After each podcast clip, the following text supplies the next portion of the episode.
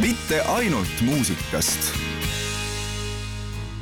tere päevast, head Elmari kuulajad, minu nimi on Andres Panksepp ja alanud on saade Mitte ainult muusikast. ja tänane külaline on Tallinki juhatuse esimees Paavo Nõgene, tere Paavo. tervist.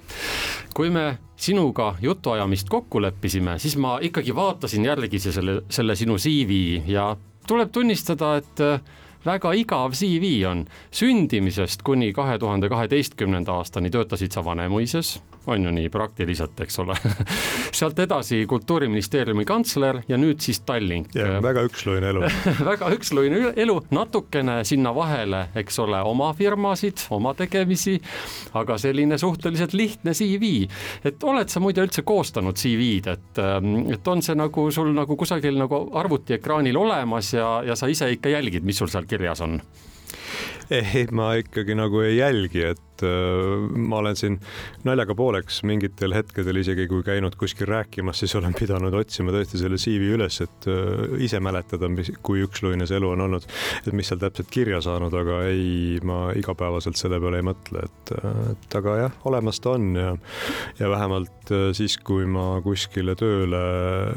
olen kutsutud või sattunud, et kas siis. siis sa oled ikkagi ära täiendanud no,? ma olen, ma olen pidanud jah, ikkagi ta saatma, ükskõik siis, et kas selleks, et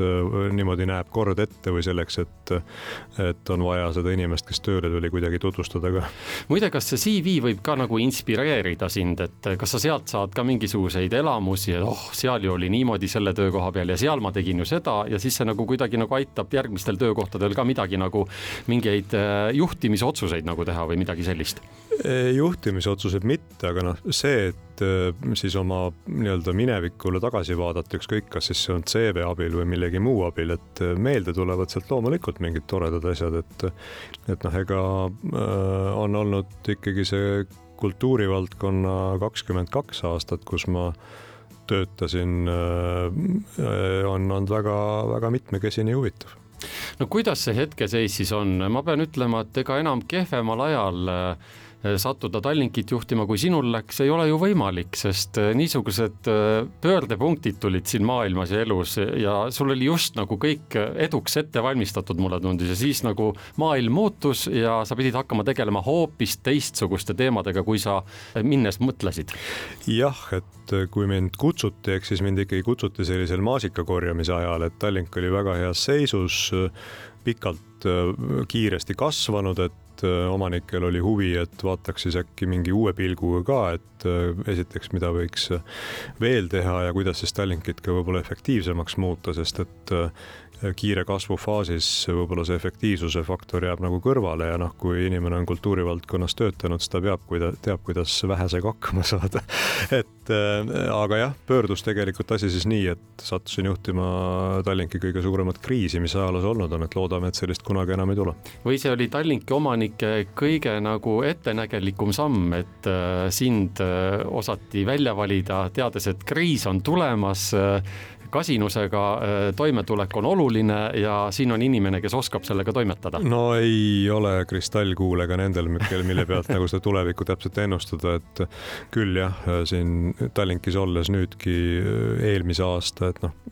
kui kriis algas üle-eelmine aasta, tegelikult ju kakskümmend kaks kuud on möödas, et kuidas sa siis järgmise aasta plaane teed, et noh, annad kogu juhatusele kristallkuulid kätte ja mõtled, et mis sa siis sealt näed või et noh, suhteliselt selline äh, hektiline ja ebastabiilne aeg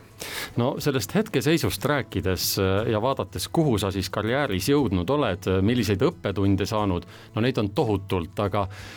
too mõni eriti silmatorkav esile, millele sa oled mitu korda mõelnud, et vaat see on just see, mille ma sain tänu sellele või teisele või just sellel perioodil. mis sellest äh, viimasest ajast on sellist meenutada? Noh, meenutada on ikkagi kogu sellest äh, töötsüklist palju ja ma arvan, et on veel vara hakata meenutama, et loodan ikkagi, et seda tuleb edasi, et noh, loomulikult äh, kui on võimalik juhtida sellist ettevõtet nagu Tallink, siis noh, sellist äh, teist Eestis ei ole ja, ja see on suurepärane väljakutse juhile ja noh, kui sa veel enese tahtmata satud juhtima kriisi, siis noh, sa õpid selle raames ikka erakordselt palju aga kogu teatri või kultuuriministeeriumi periood äh, igast aastast on palju eredaid mälestusi, et, äh, et noh, see, see on olnud selline mõnus elukestev õpe, mida ma ise olen väga nautinud. muide, sinust on räägitud äh, kui niisugusest juhist, kes, kes on nagu inimlik juht ja ta teeb nagu sellises kriisiolukorras äh, töötajate suunas selliseid liigutusi, selliseid avaldusi, selliseid omaenda palga kallale minemisi, mis nagu eh, mõjub niivõrd inspireerivalt, et see panebki nagu töötajad ka sellises kriisis ja sellises imelikus olukorras veel rohkem tööle. kas sa ise ka täheldad seda või see on selline jutt, mis sinuni ei jõua ja see tuleb sul lihtsalt nii loomulikult, et sa ei tegele mitte millegagi, mitte millegi sellisega nagu teadlikult, vaid see tuleb sul kogemata nii välja? ei noh, inimlik ma ikkagi olen ja püüan olla teadlikult, et siin ei ole nagu mingit küsimust, sest et noh, kui sa soovid mingeid tulemusi saavutada, siis sa teed seda ikkagi ainult koos äh, inimestega, oma meeskonnaga, et aga, aga eks see juhid on erinevad, et et äh, ja noh, mul on hea meel loomulikult, kui kellelegi on äh, selline mulje jäänud, et aga eks viimane kriis, milles me praegu elame, et see on ka olnud ikkagi väga teistsugune, et et noh, siin kaks tuhat kaheksa, kaks tuhat üheksa oli finantskriis, kus siis ju süüdistati erinevaid ettevõtteid, miks te olete ennast, ma ei tea, üle laenanud ja nii edasi. et noh, see pandeemia on ikkagi globaalne meditsiinikriis ja siin suhtuvad ka ja saavad inimesed, kes sinuga koos töötavad, aru, miks mingeid otsuseid on vaja teha. ja tõesti selles mõttes mul on väga hea meel, olen uhke, et äh, Tallinki inimesed on suures osas ikkagi väga mõistvad olnud, miks mingisuguseid väga karme ja raskeid otsuseid tehakse. selleks, et äh, oleks võimalik see ettevõttel edasi minna ja tulevikus võimalikult paljudele inimestele töökohad säilitada. kuule, kas sa selle Bulgaaria pime ennustaja ennustusi ka loed, Vanga on ta nimi vist, et kas hullemad takistused on ületatud või need on ees või kuidas sulle tundub oma positsioonilt vaadatuna? Mina ise loodan, et selle aasta lõpus me enam omikronist järgmise aasta kontekstis rääkima ei pea või sellest Covidist, vabandust. ja, ja noh, just äh, ilmselt ennekõike tänu sellele omikronile, et kui ta nüüd ikkagi äh, vuhinal siit üle lendab ja, ja kõik, kes määratud, et ta kätte saab, kätte saab, siis ilmselt noh, on ennustatud, et võib-olla kuus kuni kaheksa nädalat, noh, mis tegelikult võiks siis tähendada, et paari kuu pärast on, hakkab nagu elu normaliseeruma aga elekter?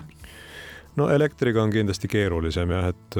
noh, see energeetika valdkond on nii poliitiline, et ma arvan, et seal on seda teadmatust oluliselt rohkem, et kuigi noh, eks jah, eks aeg näitab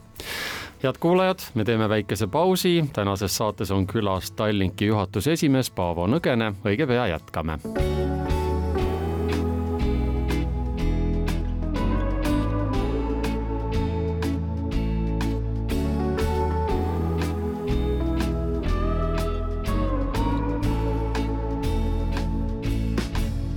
laev tõstis purjed üles öises fjordis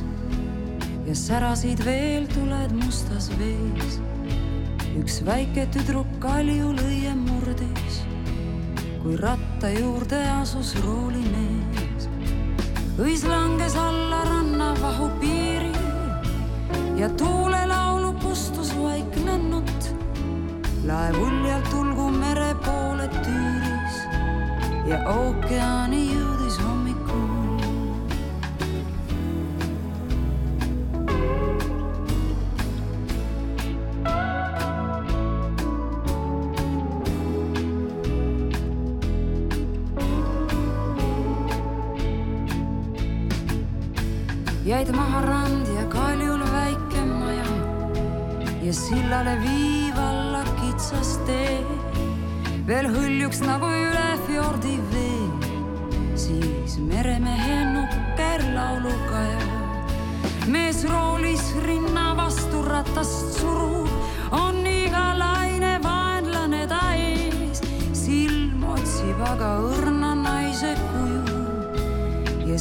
piirivalge vahu sees.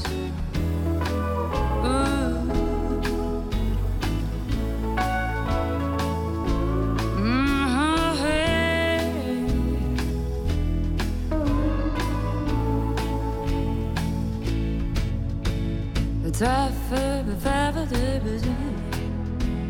We tap, te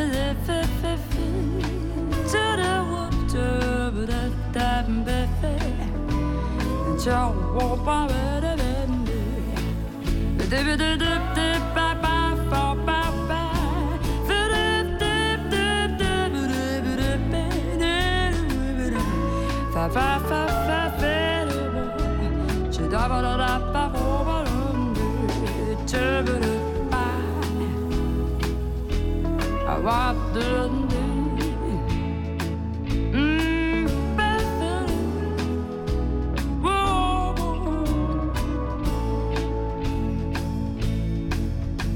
laev tõstis purjed üles öises fjordis ja särasid veel tuled mustas vees. üks väike tüdruk kaljulõie murdis, kui ratta juurde asus roolimees. õis langes alla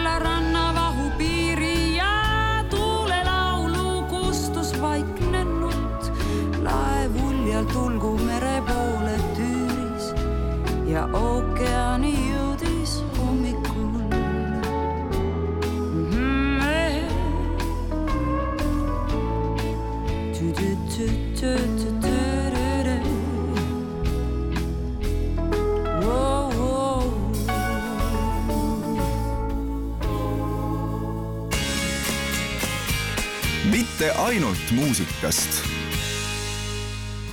head kuulajad, see on saade Mitte ainult muusikast ja tänane külaline on Tallinki juhatuse esimees Paavo Nõgene.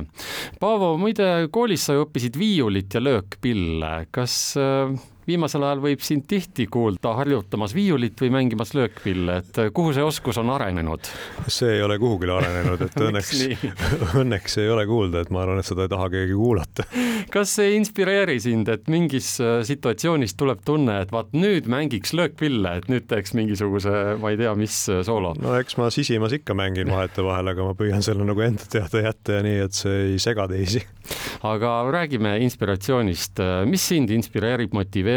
millest sa ammutad seda, mida omakorda teistele edasi anda? noh, see kõlab kindlasti kuidagi klišeelikult, aga tegelikult mind motiveerib ikkagi saavutada mingisuguseid eesmärke, mis on siis äh, kas ise soovin või on, et keegi on soovinud, et kuidas nendeni jõuda.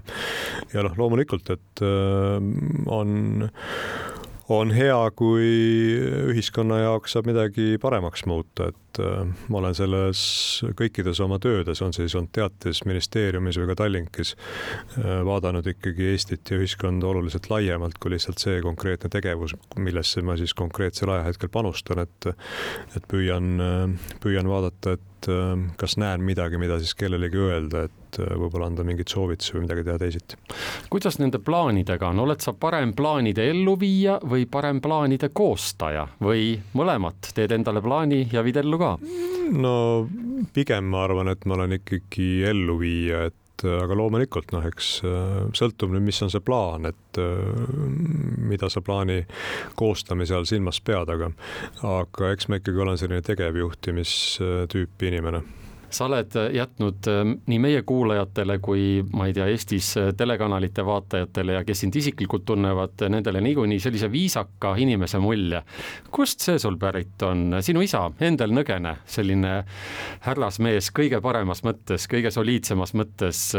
palju sa matkid teda selles ja palju see on kodust kaasa tulnud kasvatusena? ei ole kunagi ausalt öeldes mõelnud selle, et hakkaks isa matkima, aga kuidagi on nii ja noh, ma arvan, et ju see on siis mulle omane, et on lapsepõlvest saati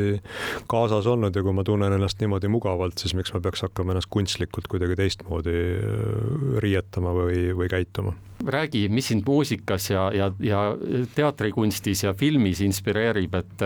kuidas sa leiad sealt need asjad üles, mis võiks sulle nagu anda mingeid uusi mõtteid?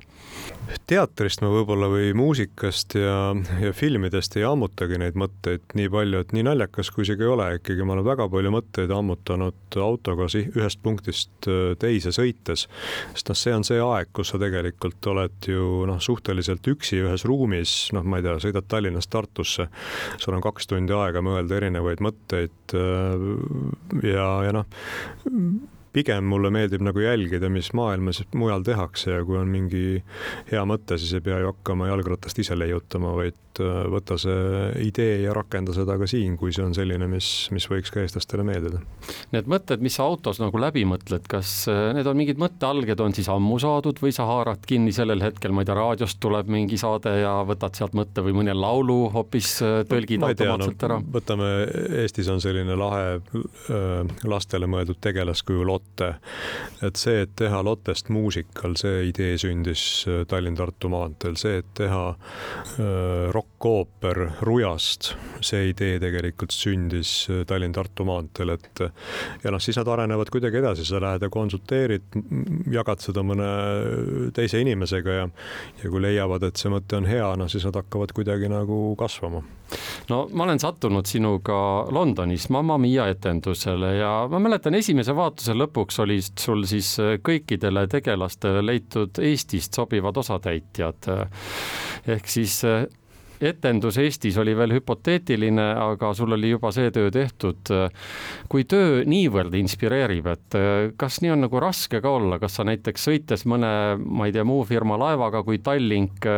kas sul alati jooksevad kulu ja tulunumbrid silme ees ka seda laeva juba vaadates? ei, seda mitte, aga tõesti, et noh, kui Mamma Mia vist jõudis lavale kas tuhat üheksasada üheksakümmend kaheksa või üheksakümmend üheksa ja siis kaks tuhat kaks ma käisin teda esimest korda vaatamas, kui ühel hetkel hetkel õnnestus siis Mamma Mia tuua ka Vanemuisesse. kahe tuhande viiendal aastal käis muide Londoni produktsioon Tallinnas andmas etendusi. et äh, kui Vanemuisesse tuli etendus, ma, äh, ma läksin esietendusele ma ei olnud siis enam äh, Vanemuises, vaid ma olin ministeeriumis ja ma otsisin tegelikult taga seda kavalehte et ja kuhu ma selle pannud olen või kellele ma selle andsin. kahjuks on see kadunud, et ilmselt see kuskil Vanemuise mingites ruumides on, et noh, kus tõesti need inimeste nimed olid, olid kirjas, et aga ma tean, et et äh, noh, näiteks selles samas Vanemuise versioonis äh, vähemalt äh, üks nimi nendest kattus, nii et selle üle oli hea meel. kuule, millal sa viimati sealsamas Tallinn-Tartu maanteel mõtlesid midagi inspireerivat Tallinki aadressil välja, et mis on konkreetne muudatus, mis on sündinud seal maanteel ja nüüd on see ellu viidud ja nüüd Tallinkis nii on? ma nii ei oska öelda, aga eks neid mõtteid on olnud palju, ma arvan, et noh, kui me siin lähme kaks aastat tagasi, kus Tallink pidi suvel mõtlema välja kiiresti mingeid uusi liine, et kuna ei olnud võimalik sõita, siis et ilmselt ka need äh, osaliselt on sündinud seal maanteel, aga, aga ma nii kindlalt hetkel öelda ei või, et noh, see on lihtsalt see ja see ei ole see, et see on nüüd mingi Tallinn-Tartu maantee eripära, olgugi et Tartu on äh, väga armas ja, ja hea linn elamiseks just, siis noh, see on pigem selline autosõidu ja, ja oma ajas äh, üksinda olemise eripära, et seal need mõtted hakkavad tekkima no ma mäletan, äh, ma vist pakkusin sulle või küsisin sinu käest, et kas sa oled juba Emajõe süvendamise peale ka mõelnud, et saaks Tallinki laevad panna sealt äh, liikuma ja, ja teha uusi liine seal. no see oli loomulikult naljaga mõeldes öeldud, aga, aga tead nii omavahel öeldes, kui äh, keegi seda Eestis suudaks teha, siis ma arvan, see oled sina, et noh, muidugi vett jääb väheks seal jões, eks ole, kui me süvendame selle nii, selle süvise vajaduseni nagu Tallinki laevadel on, aga, aga noh, ka nii võib mõelda, eks ole, sest sealt võib-olla sünnib mingi uus mõte, millest tuleb tegelik reaalne idee välja. ja noh, ütleme, kui Tartust ja Emajõest rääkida, siis mul on natukene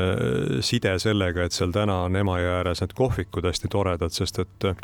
omal ajal lihtsalt sai sellest linna peale öeldud, et kuulge, et palun tehke nüüd selline konkurss, et sinna tekiks äh, siis suveperioodiks tõesti kohvikud ja ehitage sinna välja vajalik võrk. aga millest, mida, mida ma tegelikult ei tahtnud rääkida, aga mis, millest mul on kahju, on see, et omal ajal oli plaan ja soov, et äh, Tartus Emajõe peal siis äh, kesklinna ehitataks suur lava ja seal toimuks balletigala aga noh, see jäi toona tegemata ja, ja ma ei mäleta isegi, mis need põhjused olid, aga sellest tegelikult on kahju, et ma arvan, et see võis olla Vanemuise balleti üks ümmargusematest juubelitest, kus oli mõte see, et siis tegelikult äh, ballett võiks tantsida jõe peal ja, ja jões võiks olla suur äh, balletilava head kuulajad, Tallinki juhatuse esimees Paavo Nõgene on meil külas, me teeme taas väikese pausi ja õige pea meie jutuajamine jätkub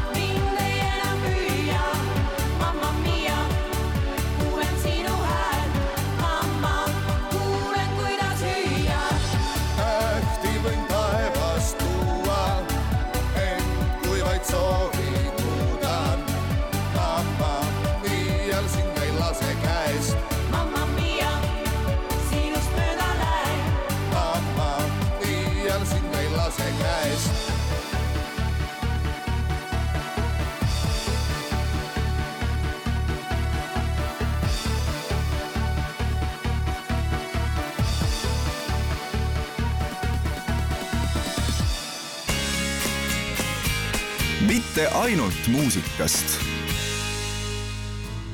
head kuulajad, saade jätkub ja külas on Tallinki juhatuse esimees Paavo Nõgene.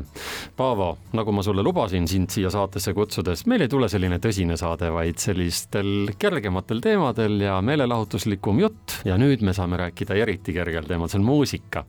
ja muusikaga oled sa seotud olnud juba lapsest saadik, kui sa hakkasid laulma Tartu poistekooris, tegelikult sa vist laulsid Tallinnas koolis käies ka kusagil poistekooris, oli nii? jah, no ikkagi valdavalt. teadlik laulmine teadlik, sai alguse? teadlik laulmine ikkagi sai alguse Uno Uiga käe all Tartu poistekooris ja mul ei lähe vist kunagi meelest ära see, kui ma olen Tallinnas, jah, ma käisin esimesed klassid koolis ja siis pidin Tartusse kolima ja Läksin isaga siis toonase Tartu seitsmenda keskkooli õpetajate tuppa mingisugusel pealelõunasel ajal ja Uno Viga siis ütles, et laula mulle ema südant, no ma laulsin totaalselt mööda, ah tuleb, tuleb. Ja noh, eks ta lõpuks tuli ka. Ja, ja kooli ma sisse sain, et, et et äh, jah, Tartu poistekoor ja, ja ka Vanemuise lavastustes. esimene oli üheksakümne esimesel aastal ooper Carmen, kus ma siis püss käes poistekooris laulsin ja, ja isa oli dirigendi puldis dirigent, nii et see oli väga-väga tore. see kooris olemine ju mitte ainult ei õpetanud laulmist ja noodi lugemist, vaid ka reisimist hiljem, niisugust omapäi hakkama saamist, see oli palju laiemapõhjalisem ettevõtmine, kui, kui pealtnäha tundub. jah, no Tartu poistekoor oli tollel ajal ikkagi väga kõrgel tasemel ja käis tõesti esinemas erinevates kohtades ja neid Ikarussiga, Ikarus bussiga läbi Läti, Leedu, Poola, Saksamaa vahet kuskile Lindenholzhauseni koorifestivalile sõitmisi ikka tuli ette, et see oli loomulikult väga tore aeg. kas see koorimuusika, mida sa tollal pidid laulma, laulma, kas see pakkus ka elamust, no siis ilmselgelt ikkagi noh, oli see natuke sunnitud ja, ja pidi selle, no seal olid omad lood, mis meeldisid rohkem ja teised, mis vähem, aga nüüd tagantjärgi tundub see muidugi hoopis teise hinnangu vääriline. ja et ega noh, ma ei ütleks, et ta sunnitud oli, et noh, et poistekooris tegelikult oli ju väga tore käia ja ja noh, tagantjärgi öeldes ikkagi, et äh, äh, olen saanud olla laval, kui oli Tartu Laululava avamine, mis iganes äh, aastale mitmendat äh, laulupidu see siis tähistas. Äh, ja, ja noh, ka Tallinnas üldlaulupeol laulnud, et kui ikkagi poistekooris ei oleks käinud, siis selliseid emotsioone poleks kunagi ka saanud juba rääkisime põgusalt äh, tänases saates sinu kokkupuudet äh, muusikaalidega. räägi siis, milliseid muusikaelamusi on sulle elu pakkunud, et on need rohkem bändid olnud, on need olnud laulupeod, on need olnud iselaulmised, on need olnud ise produtseerimised ehk et äh, koosluste kokkupanemised? eks need on ikka igasuguseid olnud, et tõesti, et on olnud ju lugematu arv erinevaid kontserte, on need siis klassikalise muusika või natukene kergema muusika kontserdid. on ise tehtud väga palju, on väga palju külastatud muusikateatrit äh, Eestis, mujal on, on nähtud ka äh, suuremaid artiste, kes siin Eestis on käinud lauluväljakul, on ise tehtud äh, suuremaid kontserte. minu arust isegi vist tänaseni on maailma kõige suurema publiku arvuga Andrew Lloyd Webberi gala toimunud tegelikult Eestis, Tallinnas, Tallinna Lauluväljakul ja see aasta võis olla kaks tuhat tuhat kuus, ma arvan. et muusikaelamusi on väga erinevaid ja ega ma olengi selline kõigesööja, et, et on see, ühelt poolt võib see olla nööp, teiselt poolt võib see olla äh, Ruja, ma ei tea, Kase Mahlaka või Anne Veski, et neid näiteid on väga erinevaid ja, ja juurde loomulikult klassikaline muusika, et, et seda kõike ka. aga sõidad sa spetsiaalselt, et täna Marju Länik Otepääl lähen või täna Berliini Filharmoonikud äh, Brüsselis lähen? nii et täna lähen ei, aga, aga jah, tõesti, ma olen, ma olen lennanud äh, Paavo Järvi juhitavat äh, Eesti festivaliorkestrit tegelikult kuulama Jaapanisse. eks ikka jah, noh, mul on praegugi paar piletit, mis on edasi lükkunud siin äh, Covidi tõttu, et noh, näiteks tahan veel kindlasti näha live-kontserdil Elton Johni, kes on hetkel oma siis juba vist nüüd on juba vist teist aastat, kuna nüüd Covid on vahele tulnud, siis kokku kujuneb seal tal nelja-aastaseks turneeks, et, et oma loominguline tee kokku võtta rahva ees, et eks selliseid äh, soove on ikka. Ja olen ostnud endale äh, suve lõpuks ka äh, piletid Placido Domingo juba väga kõrges eas vanameistri vabaõhukontserdile Veronas, nii et selliseid asju, mis jäävad silma ja tegelikult soovid minna vaatama, ikka aeg-ajalt ette tuleb saate alguses rääkisime sinu CV-st ja sealt leiab äh, ka Raimond Valgre nimelise laulufestivali korraldamise. kuidas sul Valgre muusikaga on pärast seda festivali korraldamist, nüüd on juba aastad möödas sellest, suudad sa veel kuulata Valgret või see on sinu jaoks nii ära kuulatud? ei, loomulikult suudan, et Valgre on ju kirjutanud äh, imelisi meloodiaid ja, ja väga ilusat muusikat, et pigem on minu arvates viimastel aastatel, kui hakata nüüd praegu selle peale mõtlema, väheks jäänud võib-olla nii raadiotes kui ka väheks jäänud äh, esituse mõttes, et ei ole uued noored artistid, kes Eestis peale on tulnud, väga palju minu arust äh, Valgret avastanud ja, ja salvestanud, et äh, võib-olla tuleks see, see teemant taas läikima lüüa kuule, aga popmuusika, niisugused eilsed hitid, eilsed tähenduses tõesti eile tuli välja, näiteks äh, nii värske muusika. kuidas sul sellega äh, nii-öelda kuulamissuhe on, et äh, tahad sa ennast harida selles vallas või jätad Tead, selle teistele teadlikult mitte, et,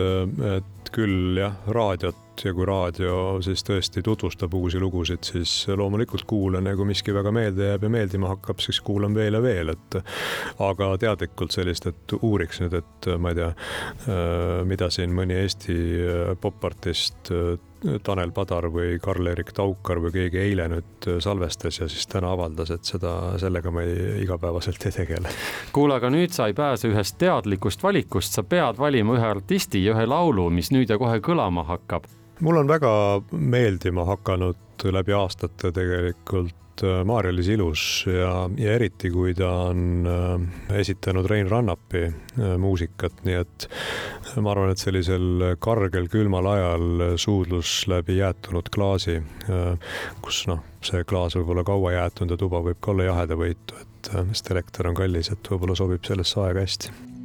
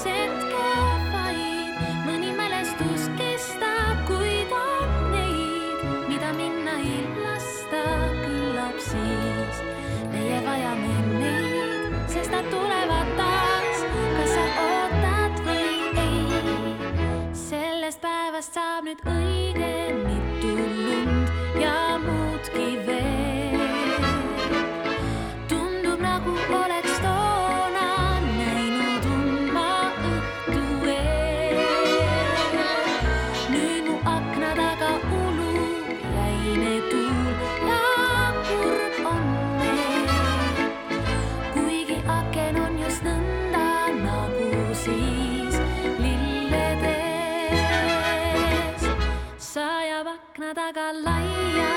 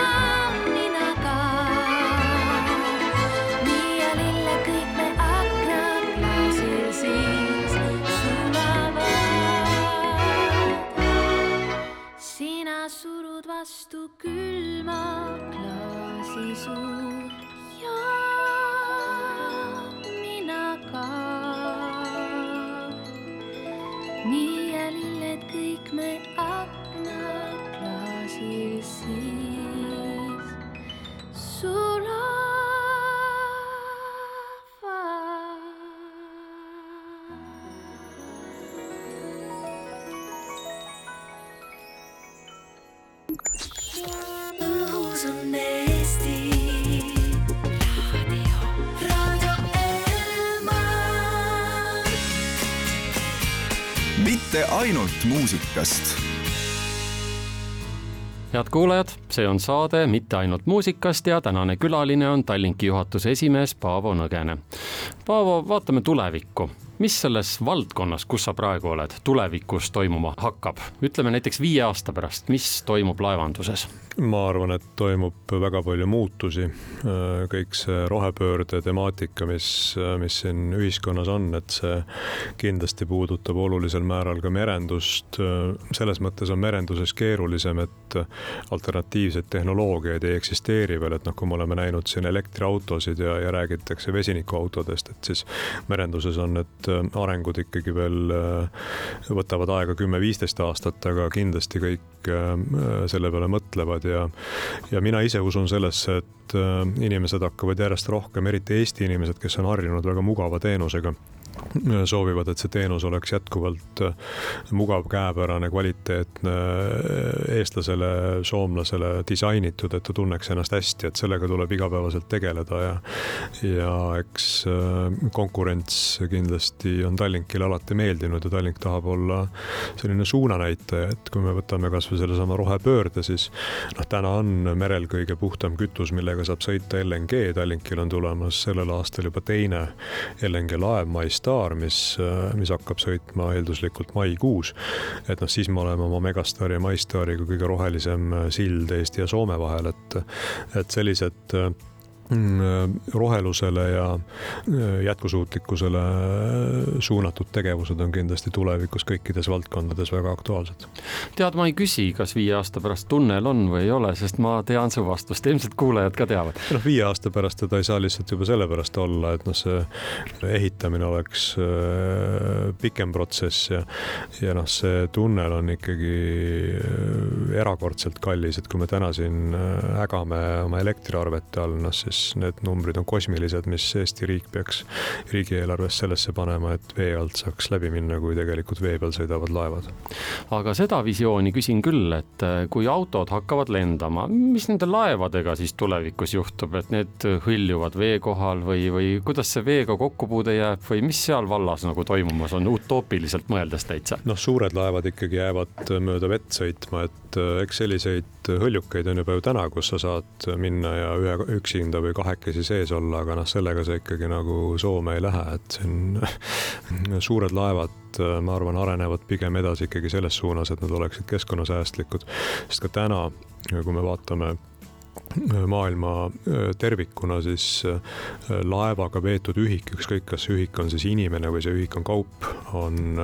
on kõige keskkonnasõbralikum, sest et sinna lihtsalt mahub palju ja, ja ta on efektiivne vaatame sinu enda tulevikku ka, et mis seal viie aasta pärast toimuda võiks. oled sa siis mitmes aasta juba peaminister või kuidas sa oled mõelnud? ma viie aasta pärast loodan, et ma olen äh, üheksandat aastat Tallinki juht, et äh, vaatame, mis elu toob ja hetkel äh, olen kindlasti pühendunud Tallinkile ja tahaks Tallinki sellest, sellest jamast välja tirida ja jälle sinna maasika noppimise aega jõuda. kuule, aga mis sa vastad nendele, kes räägivad sinust kui peaministrist, et äh,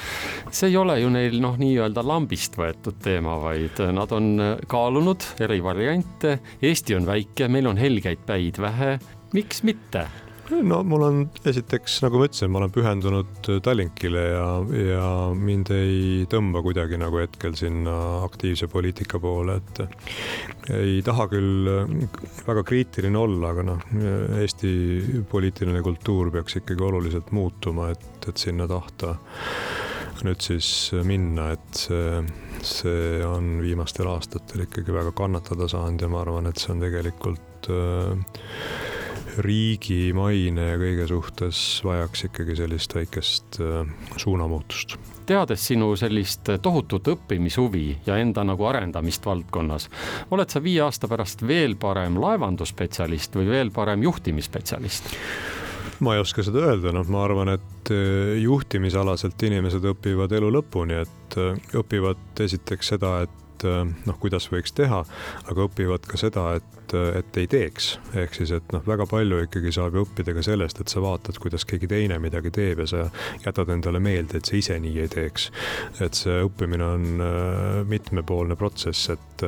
aga noh, me võime ju viie aasta pärast kokku saada ja vaadata, et äh, kus ma siis täpselt olen ja mis ma siis täpselt teen, et aga minu sissekirjutus viie aasta pärast on kindlasti jätkuvalt Tartus muide, kas Tallinki sadam on viie aasta pärast olemas? ma ei usu, sest et äh, noh, meil oli idee, kuidas teha korda linnahall, sest et see maja vajab kordategemist ja seal sees on unikaalne äh, amfisaal, amfiteatrilaadne saal, mis tegelikult vääriks kordategemist, kus saaks teha suurepäraseid teatrietendusi, kontserte ja kõiki muid sündmusi. meie idee oli selles, et riik ja linn ei peaks seda ülal pidama, siis seal taga võiks olla sadam, mille saadud tuludest siis seda tegelikult ülal peetakse.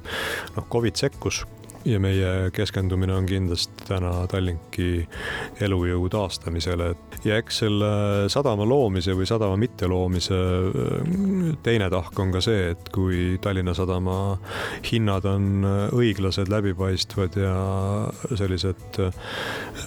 ettevõtjasõbralikud või et, jah, ettevõtjasõbralikud, et siis meil ei ole põhjust hakata oma sadamat ehitama, et äh, Tallinna Sadamas on väga hästi välja ehitatud taristu. meil on professionaalsel tasemel hea koostöö. kui saaks nüüd need hinnad ka õiglaseks, noh siis ei oleks ju mõtet hakata äh, eraldi sadamasse investeerima, parem siis investeeriks juba uutesse laevadesse kuna meie saate nimi on mitte ainult muusikast, äh, siis sa kindlasti mõtlesid, äh, kui ma siia saatesse sind kutsusin, et huvitav, mida ta küsib. aga mis nüüd küsimata jäi, millest sa nagu mõtlesid, et sa tahaks kindlasti rääkida, kas on midagi sellist? ma pean vabandama, et ma väga palju ei mõelnud ennem kui ma siia stuudiosse tulin, sest et päevad on nagu nad on, et hakkavad vara ja lõpevad hilja, aga äh, oli huvitav ja ma arvan, et äh, Elmari raadios ma vist äh, nii pikalt kunagi külas olnud polegi tore, et sa seekord leidsid selle aja ja tulid ja kindlasti me kohtume siin eetris veel. aitäh. head kuulajad, selline oli tänane Mitte ainult muusikast, mille külaliseks oli Tallinki juhatuse esimees Paavo Nõgene. minu nimi on Andres Panksepp, aitäh, et kuulasite. uus saade Mitte ainult muusikast juba nädala pärast. uute kohtumisteni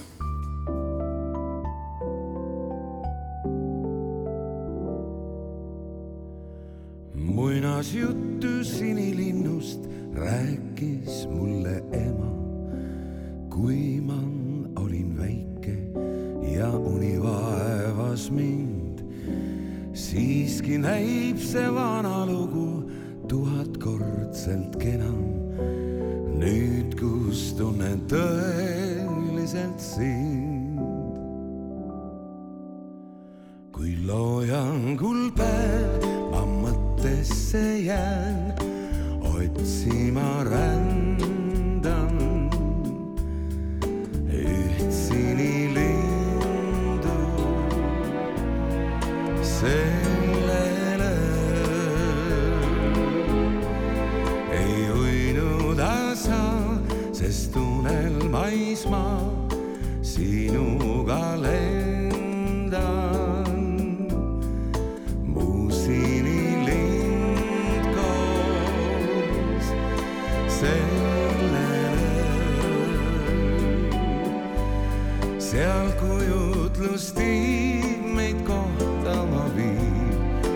Saabuvaid aegu,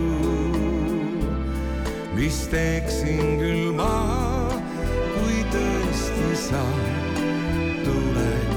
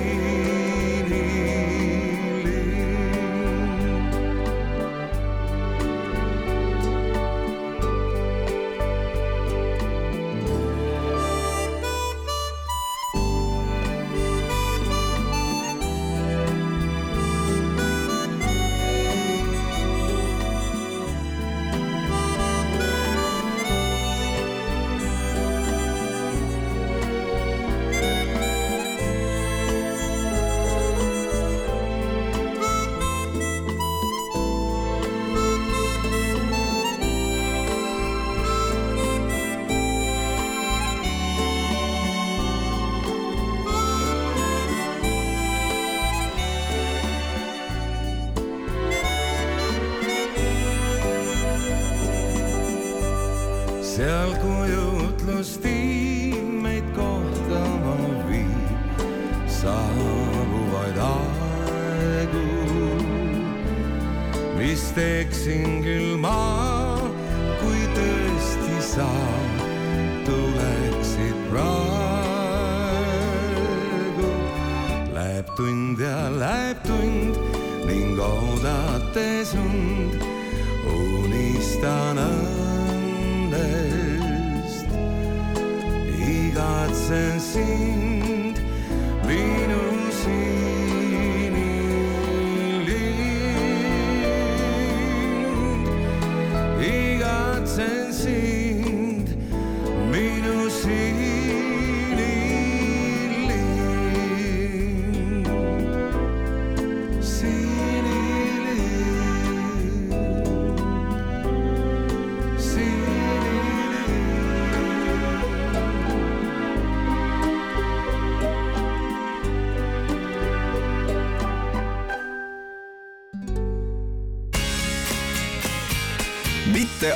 muusikast